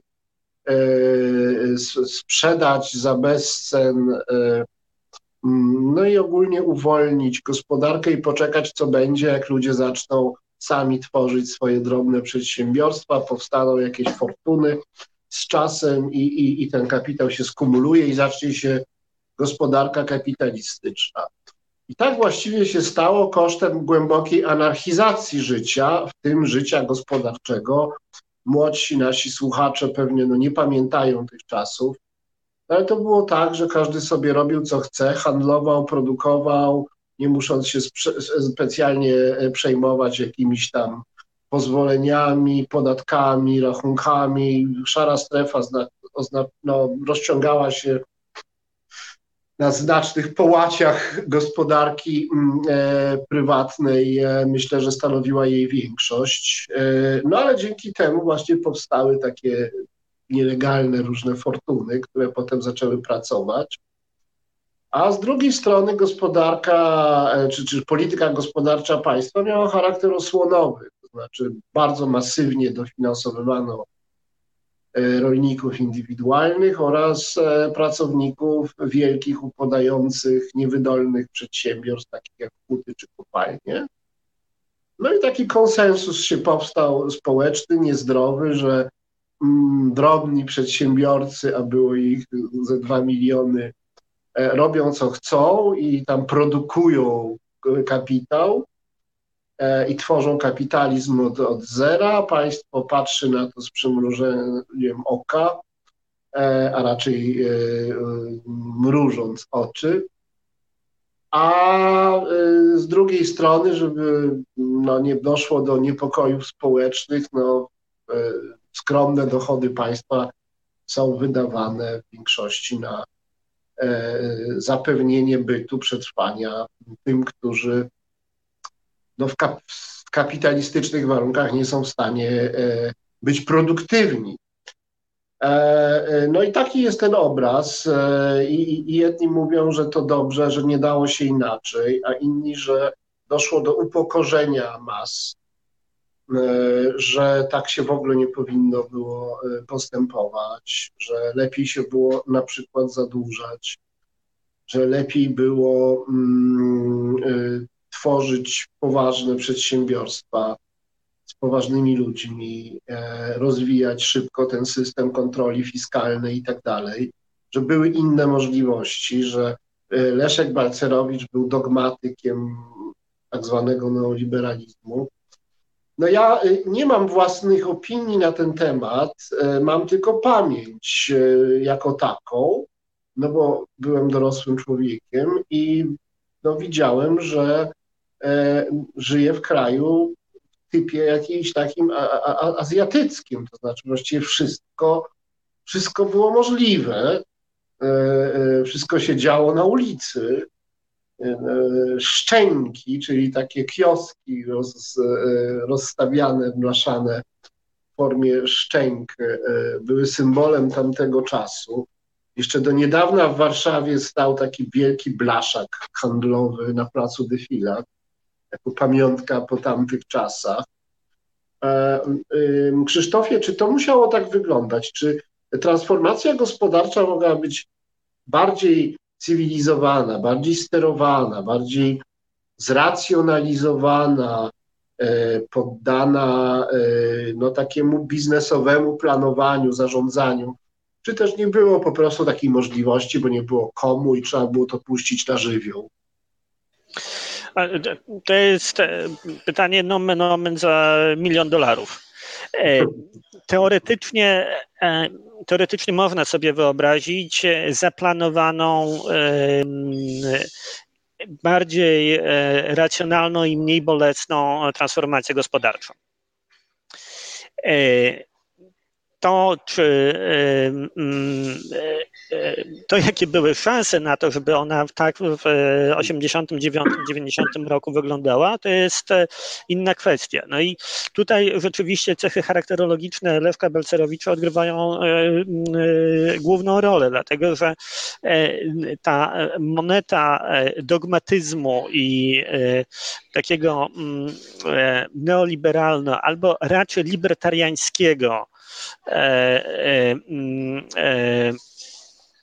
ideologicznego mm, przekonania odgrywała, znaczy to, to jest prawda, tak? To znaczy mm, tak było, Leszek Balcerowicz, co zresztą pamiętam jako jego student ze SGH z, pod koniec lat 90., jest człowiekiem bardzo silnych i bardzo jednoznacznych przekonań. Drugą stroną tego, że jego przekonania są tak silne i tak jednoznaczne e, i e, że były zbudowane na e, modnej w latach 80. Reaganomice i anty antyplanowe anto, zwrocie, które Margaret Thatcher zrobiła w Wielkiej Brytanii od interwencjonizmu planowy, e, od interwencjonizmu państwowego ku e, i regulacji, ku leseferyzmowi i wolnemu rynkowi. Drugą stroną tego, jak powiedziałeś, dogmatyzmu Belcerowicza było to, że on był tym jednym ekonomistą, który się nie bał doprowadzić, przeprowadzić, wziąć odpowiedzialności za to, co się będzie dziać z gospodarką. I to Znowu tutaj jest element przypadku, jeżeli by tam są takie opowieści, e, e, anegdoty opowiadane, ja nie pamiętam dokładnie, ale zdaje się, że jeżeli by e, wcześniej udało mu się znaleźć koło zapasowe do malucha albo coś innego tam zrobił i wyjechał z Warszawy dzień wcześniej na stypendium do Oksfordu, to kto inny by został ministrem finansów, bo ktoś musiałby zostać ministrem finansów, no i cała transformacja wyglądałaby zupełnie inaczej. Tak czy owak, e, e, on e, został i było to puszczenie sytuacji na żywioł, co wcale nie było nową koncepcją, dlatego że to, co w poprzednim rządzie Rakowskiego robił Mieczysław Wilczek, to było bardzo podobne w swoim zamierzeniu, z tą różnicą, że rząd Rakowskiego musiał jeszcze utrzymywać osłony, czy trzymać parasol ochronny nad niskorentownymi, nierentownymi przedsiębiorstwami państwowymi, dlatego że był niepopularny. Rząd Mazowiecki był bardzo popularny, w związku z tym parasol można było zwinąć.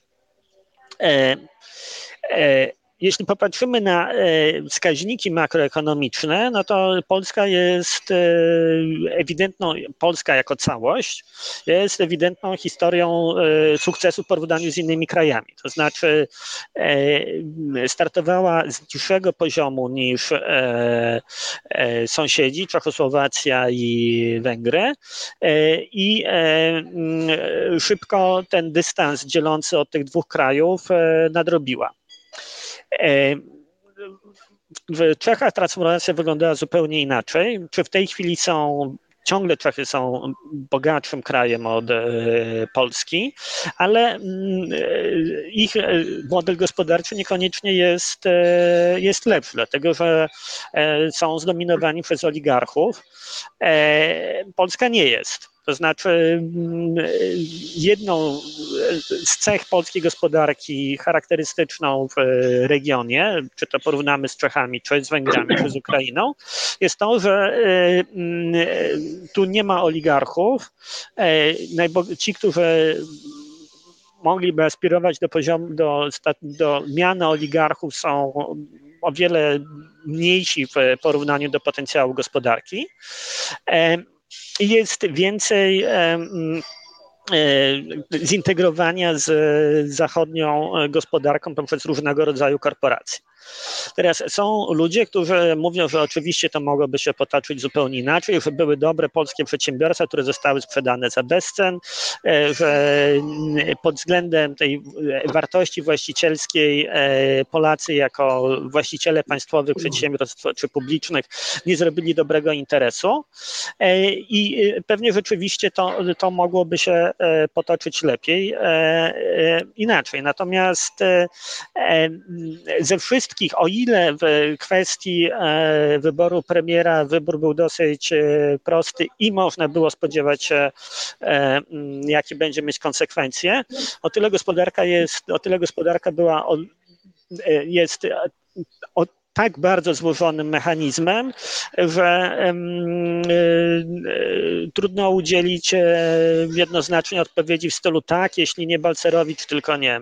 Tadeusz Kowalik zostałby e, ministrem e, finansów i wicepremierem w rządzie któregokolwiek z trzech kandydatów, to żylibyśmy w tej chwili lepiej. A też bardzo prawdopodobne jest, że niektórzy żyliby w dzisiejszej Polsce lepiej, żyją, a inni żyliby gorzej, a niektórzy, którzy w tej chwili nie są w Polsce, byli jednak w niej byli, bo nie wyjechaliby w różnych momentach e, ostatnich 32 lat, e, a inni akurat, którzy teraz są i wiedzie im się w Polsce dobrze, by wyjechali, by na przykład uznaliby, że możliwości stwarzane przez wolniejszą transformację o bardziej ludzkim obliczu i większej redystrybucji im nie odpowiadają.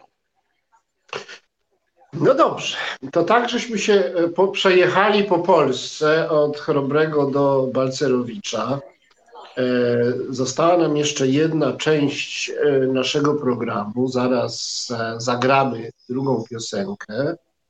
E, I chciałbym, żebyśmy po piosence porozmawiali o geopolityce, o sytuacji globalnej jesteś analitykiem, e, politologiem, socjologiem, e, na pewno masz swoje przemyślenia e, no, na temat aktualnej sytuacji i kierunków jej rozwoju. Znaleźliśmy się no, w bardzo trudnym położeniu, nie tylko z racji pandemii, no ale z racji nowej konfiguracji politycznej. E, my jako Zachód staliśmy się mniejszością. Mm, Stany Zjednoczone przestały być takim trwałym oparciem dla liberalnej demokracji i innowacyjnej gospodarki kapitalistycznej, bo przydarzył jej się, przydarzył im się poważny wypadek polityczny w postaci e, Trumpa. E, mamy do czynienia z dosyć ekspansywną i bezwzględną polityką Rosji. Mamy do czynienia z e, potężną e, no, inwazją gospodarczą autorytarnego reżimu chińskiego.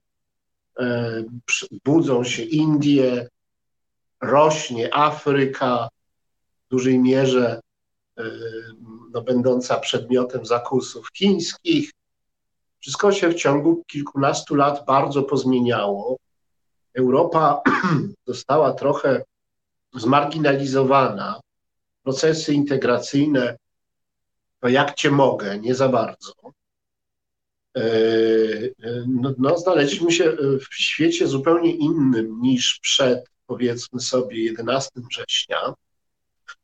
E, a też i świadomość wyzwań jest już e, zupełnie inna, bo mm, cóż, wiemy, że globalne ocieplenie nastąpi, że trzeba działać, nie przygotowaliśmy żadnych podmiotów globalnych, międzynarodowych, które mogłyby takim bezprecedensowym kryzysem zarządzać w skali świata.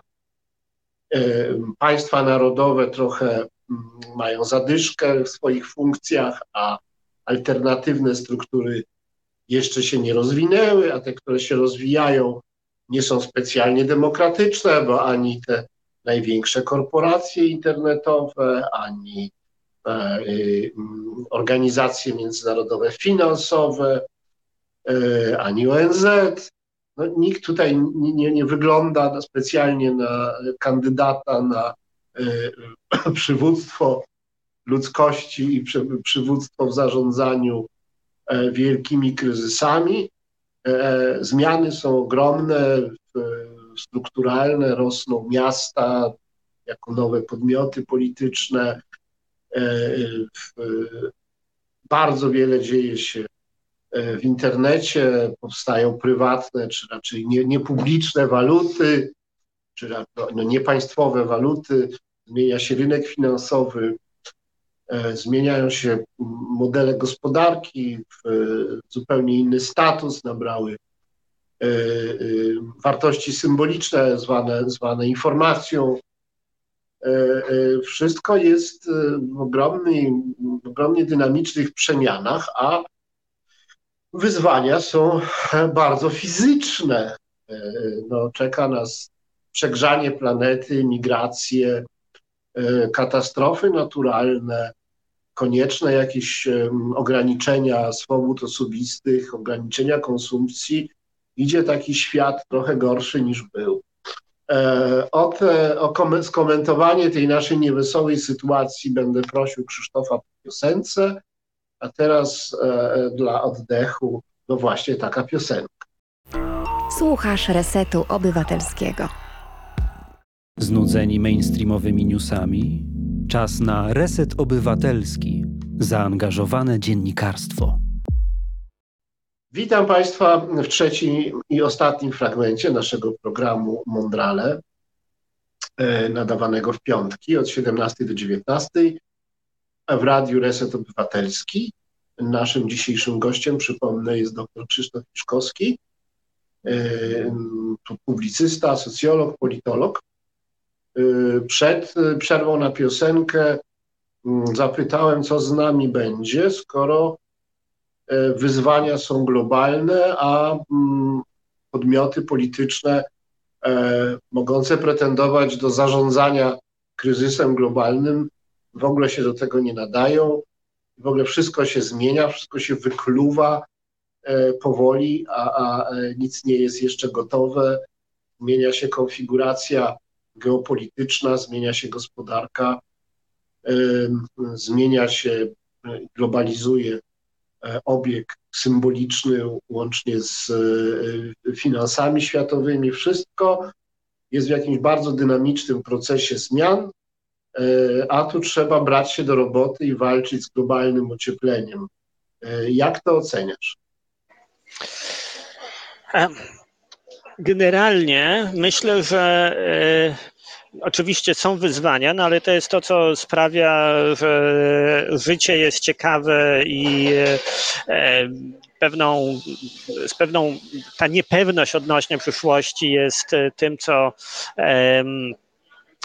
dodaje trochę mm, sensu i e, ciekawości e, życiu, a z drugiej strony e, myślę, że i tak dzisiejszy świat jest w, i ludzie dzisiaj żyjący są w o wiele lepszej sytuacji niż ci, którzy żyli wcześniej. Dlatego, że poziom dobrobytu, jego powszechność jest bez precedensu.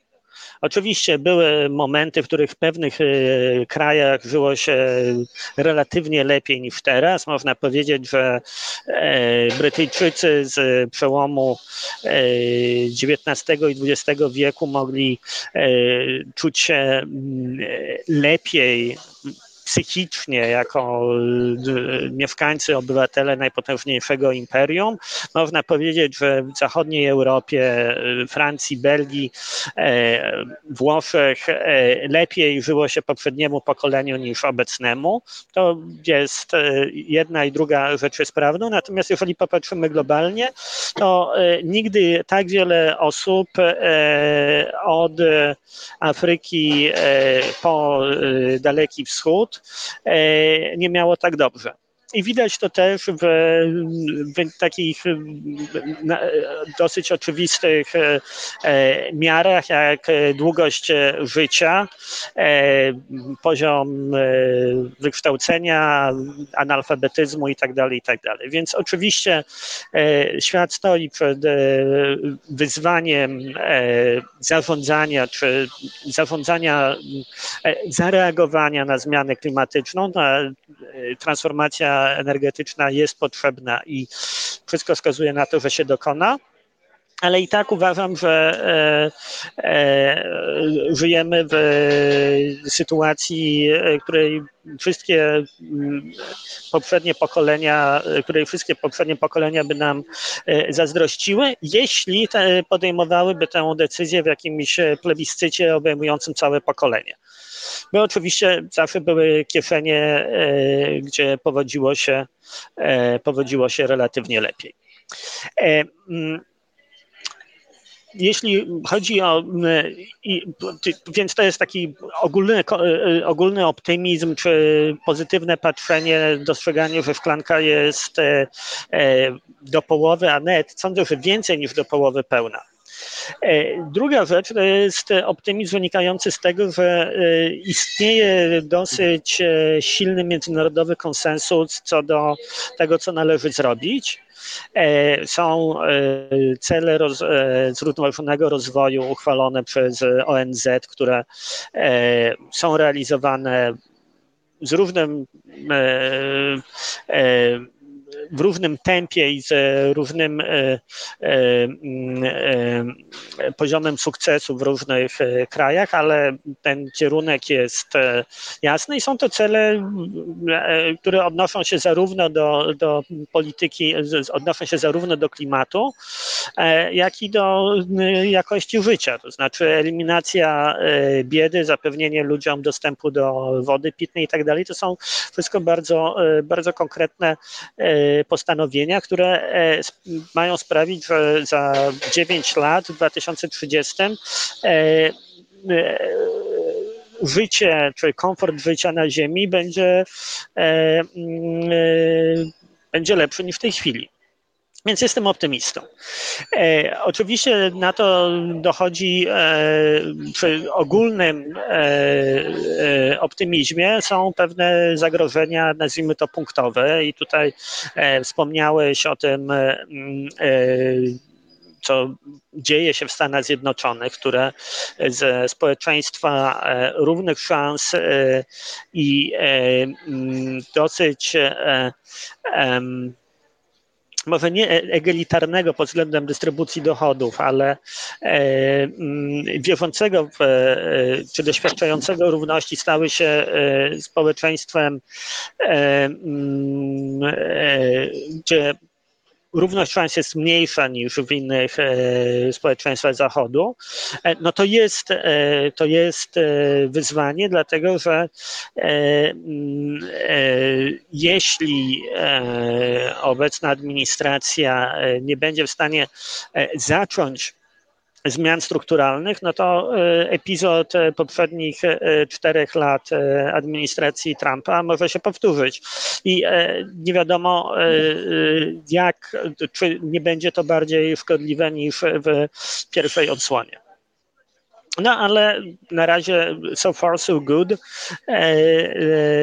Stany Zjednoczone prawdopodobnie, znaczy znowu bardzo wiele rzeczy jest dziełem przypadku. Może się przypadek zdarzyć w postaci kilkudziesięciu głosów e, w tym e, albo innym stanie, który przeważy o tym, e, kto z tego stanu zostanie wybrany elektorem i mm, populista może wygrać któryś z następnych wyborów i może być to jeszcze bardziej traumatyczne i bardziej brzemienne w negatywne skutki wydarzenie niż prezydentura Trumpa, no ale może się to nie wydarzy, tak? Fingers crossed. E, miejmy nadzieję, e, miejmy nadzieję, że nie, no ale e, wydaje mi się, że Amerykanie, czy obecny amerykański rząd zdaje sobie sprawę z, z wagi czy rozmiaru zagrożenia. Poza tym równocześnie no, mam wrażenie, że generalnie mamy do czynienia z malejącą znaczy, mm, e, jeśli popatrzeć na historię, to przez większość dziejów sprawczość polityków e, była bardzo niewielka. To znaczy, nawet jeśli e, udawało im się tworzyć imperia, podporządkowywać sobie duże grupy ludności i budować wielkie narracje, to wpływ na codzienne życie przywódców politycznych był dosyć e, nieduży. W XX wieku się to zmieniło. E, to był e, jeden z ważnych aspektów e, totalitaryzmów i e, e, a z drugiej strony państwa dobrobytu i demokracji, które też w o wiele większym stopniu zaczęło się interesować i organizować nasze codzienne życie. No i teraz mamy dwa, dwie różne jakby dwa możliwe scenariusze. Tak? Jeden to jest taki, że ponieważ mamy lepsze e, narzędzia techniczne niż kiedykolwiek wcześniej, e, to to organizowanie życia będzie postępować dalej i e, w świadomy lub nieświadomy sposób będziemy podlegać E, czy nasza, codzienna, nasza codzienna egzystencja będzie wynikiem politycznych e, decyzji, albo e, się to rozmyje w taki system samorównoważący, homeostatyczny, w którym politycy będą mieć paradoksalnie bardzo małe, mały wpływ na to, co się dzieje, a ich rola będzie dotyczyć bardziej wyjaśniania tego, co się dzieje, niż zmieniania tego, co się ma stać. I w zasadzie nie wiem, e, w którą stronę to. E, trudno jest mi odpowiedzieć na pytanie, jeśli ono brzmiało, w którą stronę to pójdzie. No ale w tym wszystkim jest jeszcze rozróżnienie na porządek polityczny, demokratyczny i autorytarny.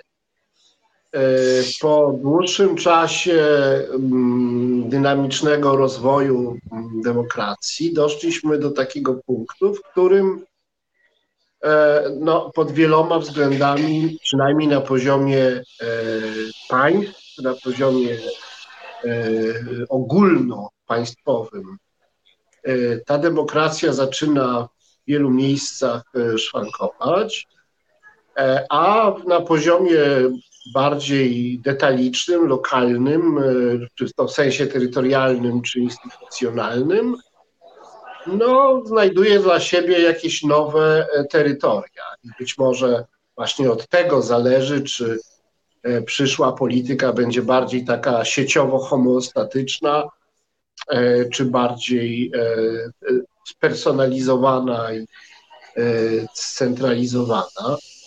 No więc nie mogę nie zapytać o to, gdzie w tym wszystkim jest demokracja, i e, ten no już coraz bardziej e, e, no, matuzalemowy wynalazek polityczny XIX-wieczny liberalnej demokracji z silnym parlamentem, systemem partii demokratycznych, rządem jako egzekutywą i niezawisłymi sądami. Mm, czy Twoim zdaniem jest możliwy jakiś jakieś odnowienie, jakaś restauracja e, liberalnej demokracji w znaczeniu takim podstawowym ustroju konstytucyjnego, czy też przyszłość należy do takiej właśnie rozproszającej się władzy i takiej demokracji no, bezpośredniej i lokalnej, która będzie e, polegać na tworzeniu ogromnej sieci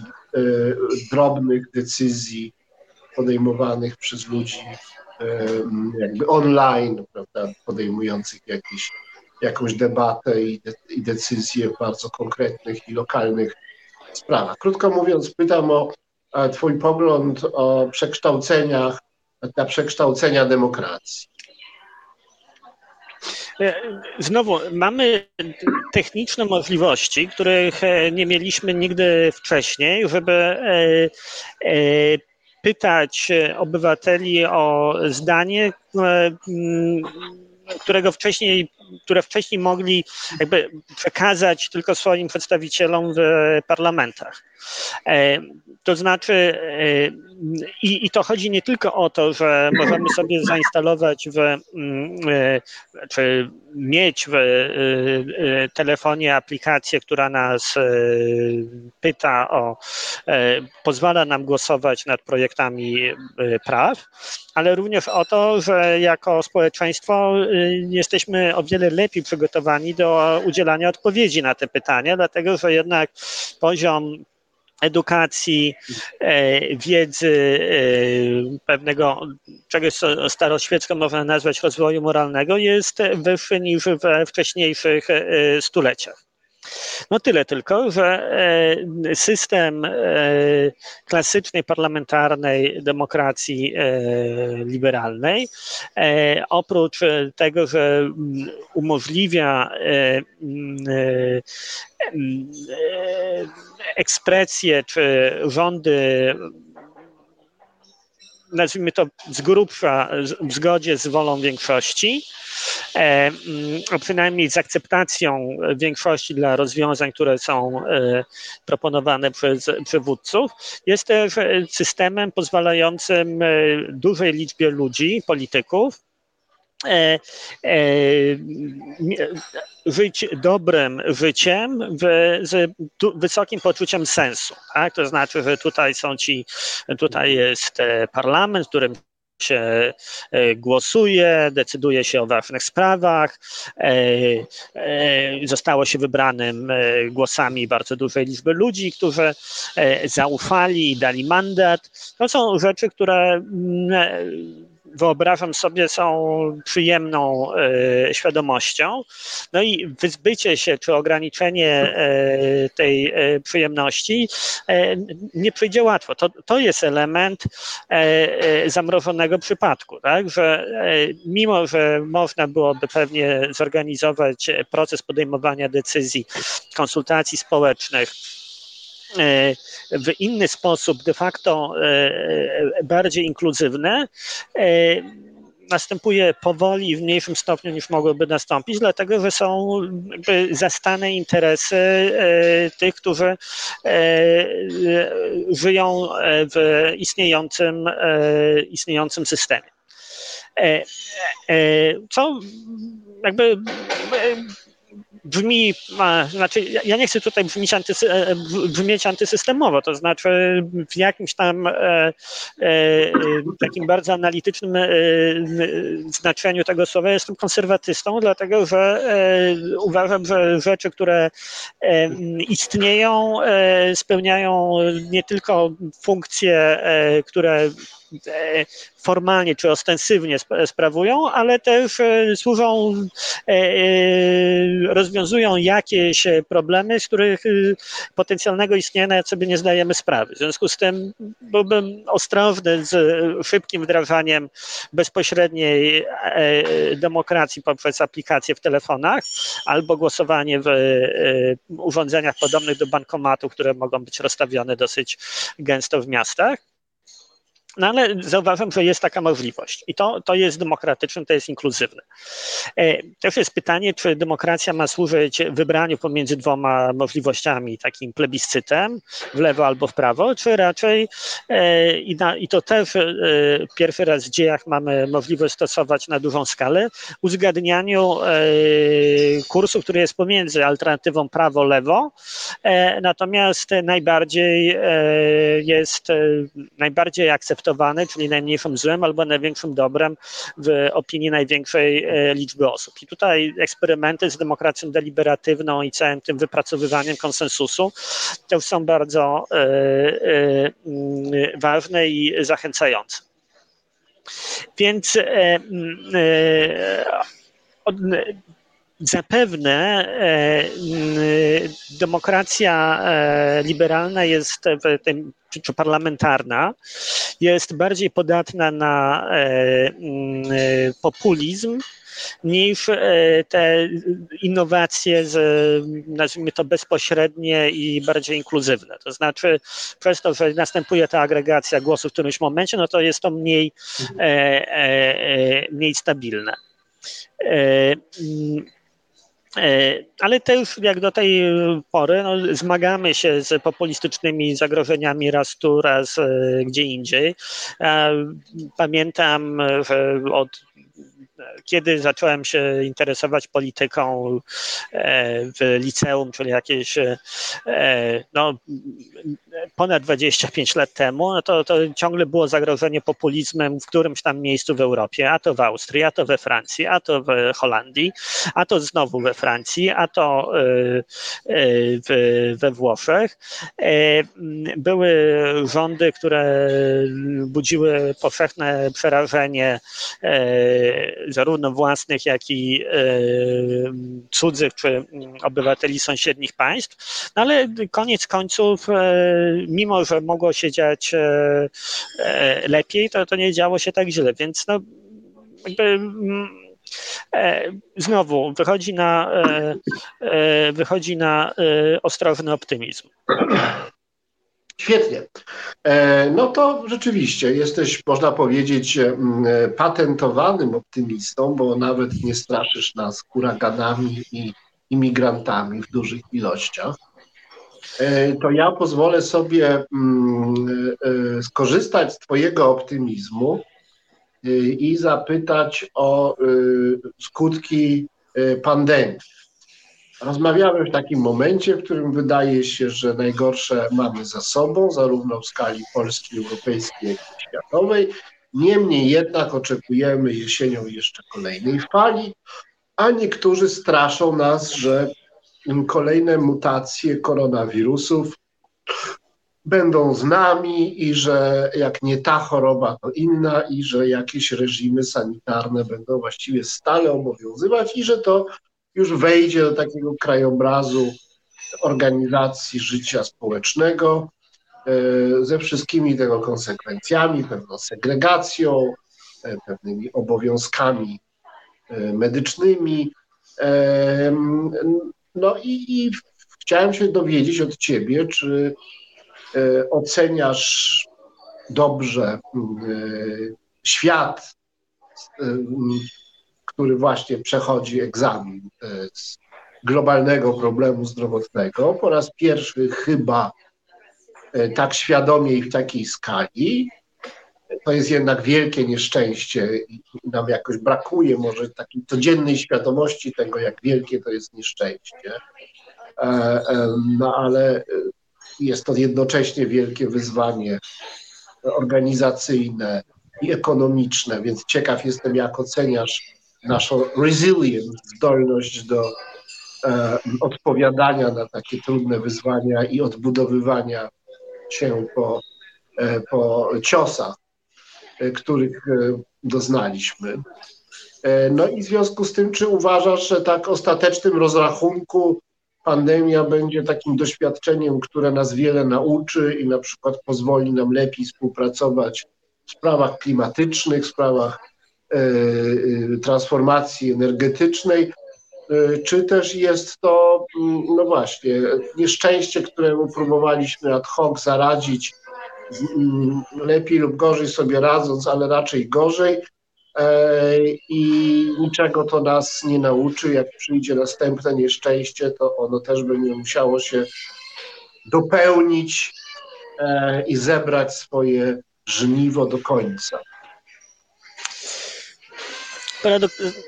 Generalnie wydaje mi się, że y, y, odpowiedź na zagrożenie czy na e, pandemię była, e, e, świat sobie poradził zaskakująco dobrze. I to, y, jeśli porównamy to do wielkich epidemii, które się działy w przeszłości, no to te miliony ofiar y, to jest bardzo mało, biorąc pod uwagę, y, że liczbę ludzi ogólnie na świecie i, y, i globalny zasięg, zasięg COVID-u. Paradoksalnie to, że udało się zminimalizować e, straty, sprawia, że niekoniecznie będzie to czynnik czy doświadczenie, które wpłynie e, długofalowo na e, zmianę zachowań i przebuduje świat. Dlatego, że tylko rzeczywiste katastrofy, a nie te, które zostały, a, te, a nie te, które udało, których udało się uniknąć, zmieniają, zmieniają rzeczywistość. Tak? To znaczy, druga wojna światowa zmieniła rzeczywistość, zmieniła nastawienia, zmieniła e, sposób myślenia. E, wojna e, jądrowa 62 czy 3 roku tego nie zrobiła, dlatego że jej nie było. To znaczy udało się ten kryzys kubański, już nie pamiętam, czy było to w 62 czy 63 roku, rozładować i dzięki temu o wiele bardziej traumatyczne doświadczenie nie zaistniało istniało. E, powstały procedury reagowania i e, e, mm, zapobiegania przypadkowemu wybuchowi wojny, no ale jakby no, tyle, co z tego pamiętamy, no to jest film Doctor Strange Love i, i to, że no, rzeczywiście przez moment świat był na krawędzi zagłady.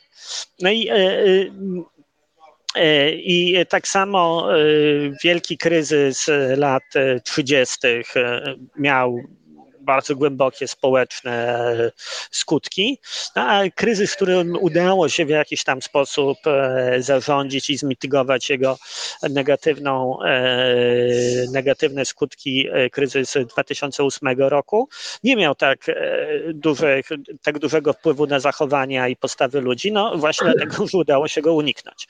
I tutaj w tym porządku wydaje mi się, że pandemia, która miejmy nadzieję rzeczywiście się kończy, jest tym zagrożeniem, w którym udało się uniknąć najgorszego. W związku z tym Konsekwencje, wydaje mi się, będą tylko w dwóch e, obszarach, które oba są ważne. Pierwszy to będzie, nazwijmy to, świat działalności profesjonalnej. To znaczy, e, dzięki e, e, lockdownowi przetestowaliśmy urządzenia, które już od dawna mieliśmy w postaci, e, od dawna, od paru lat mieliśmy techniczne możliwości e,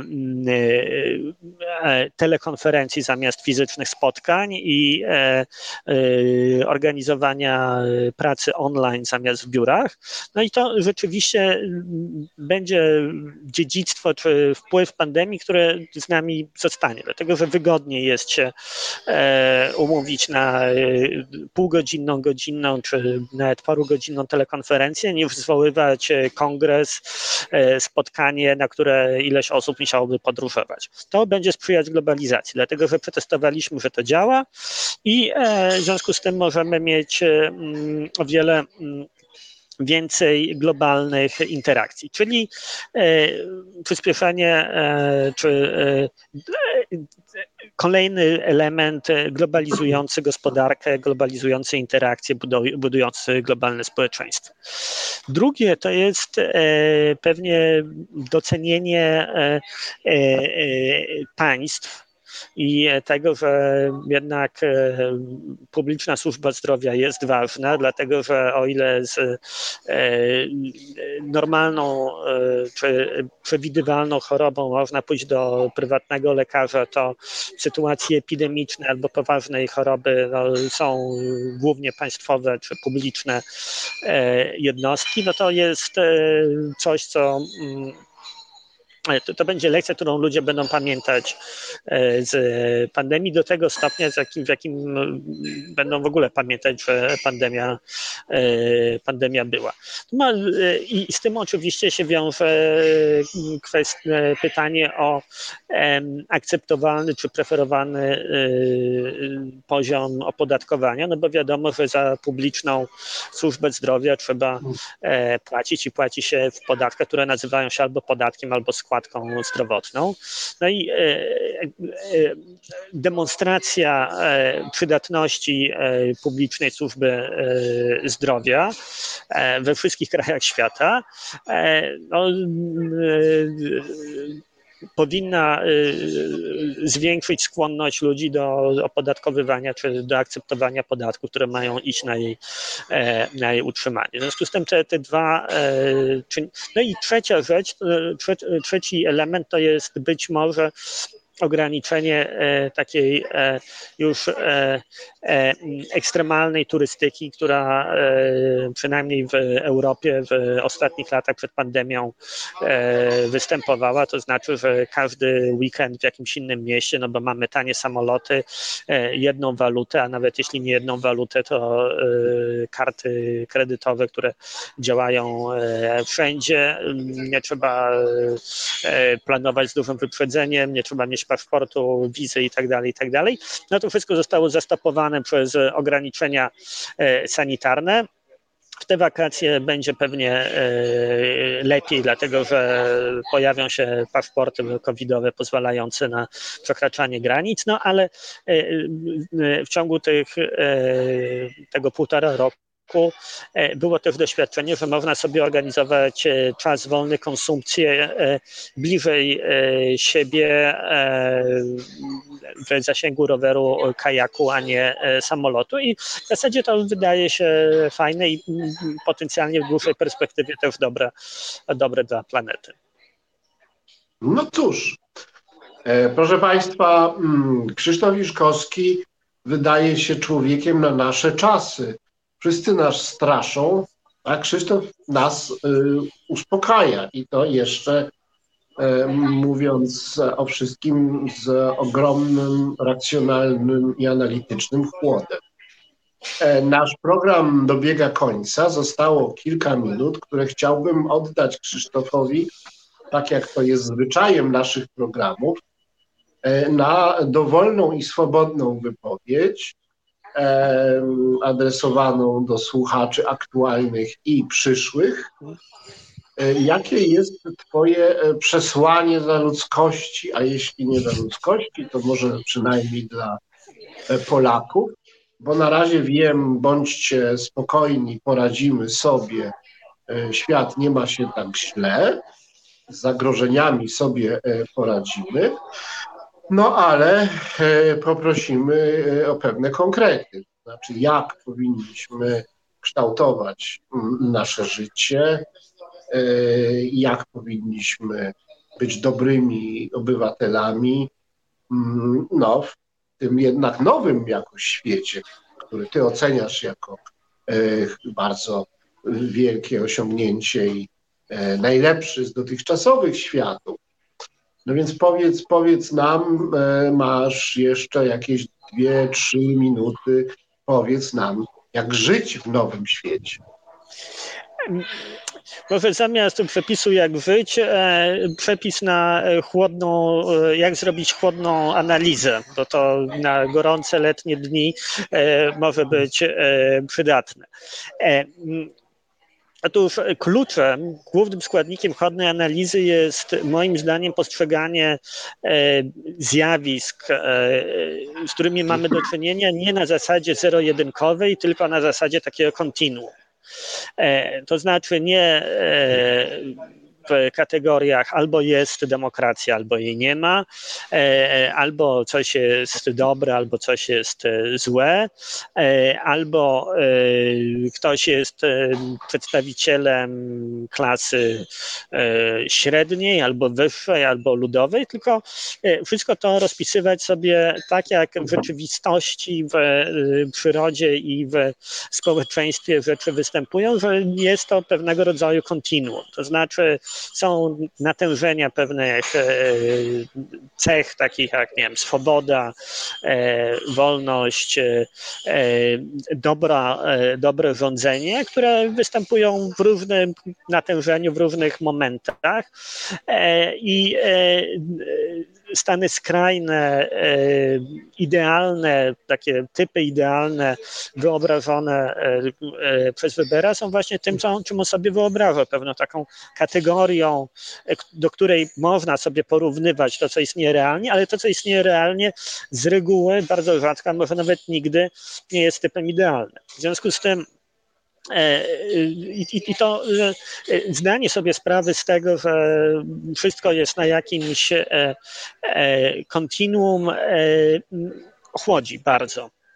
Druga rzecz to jest zdanie sobie sprawy z przypadkowości, to znaczy e, rzeczywistość jest tak złożona, że bardzo drobne to są te, ten efekt motyla i e, znowu pojawiające się w wielu e, dziełach literackich, filmowych i tak dalej, te momenty, y, y, momenty zwrotne. Otóż e, każdy z nas ma z nimi do czynienia e, w codziennym życiu. No, e, jest ciekawe, co jakiś czas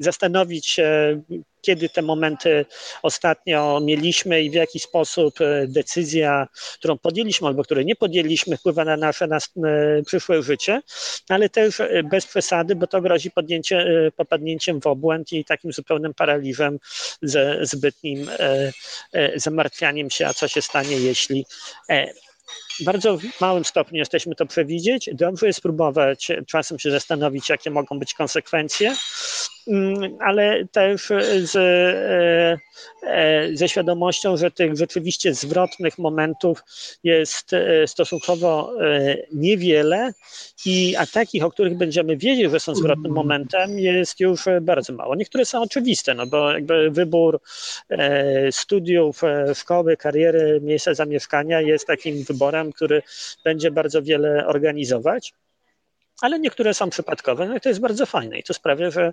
e, ciekawie jest e, żyć. Ale mm. naprawdę żyjemy w może nie idealnym, ale lepszym świecie niż e, zdecydowana większość naszych poprzedników. Proszę Państwa, świat jest bardzo dużym i ciężkim okrętem na dość wzburzonym oceanie ale okręt jest na tyle ciężki, że sobie radzi i płynie tam, gdzie ma płynąć.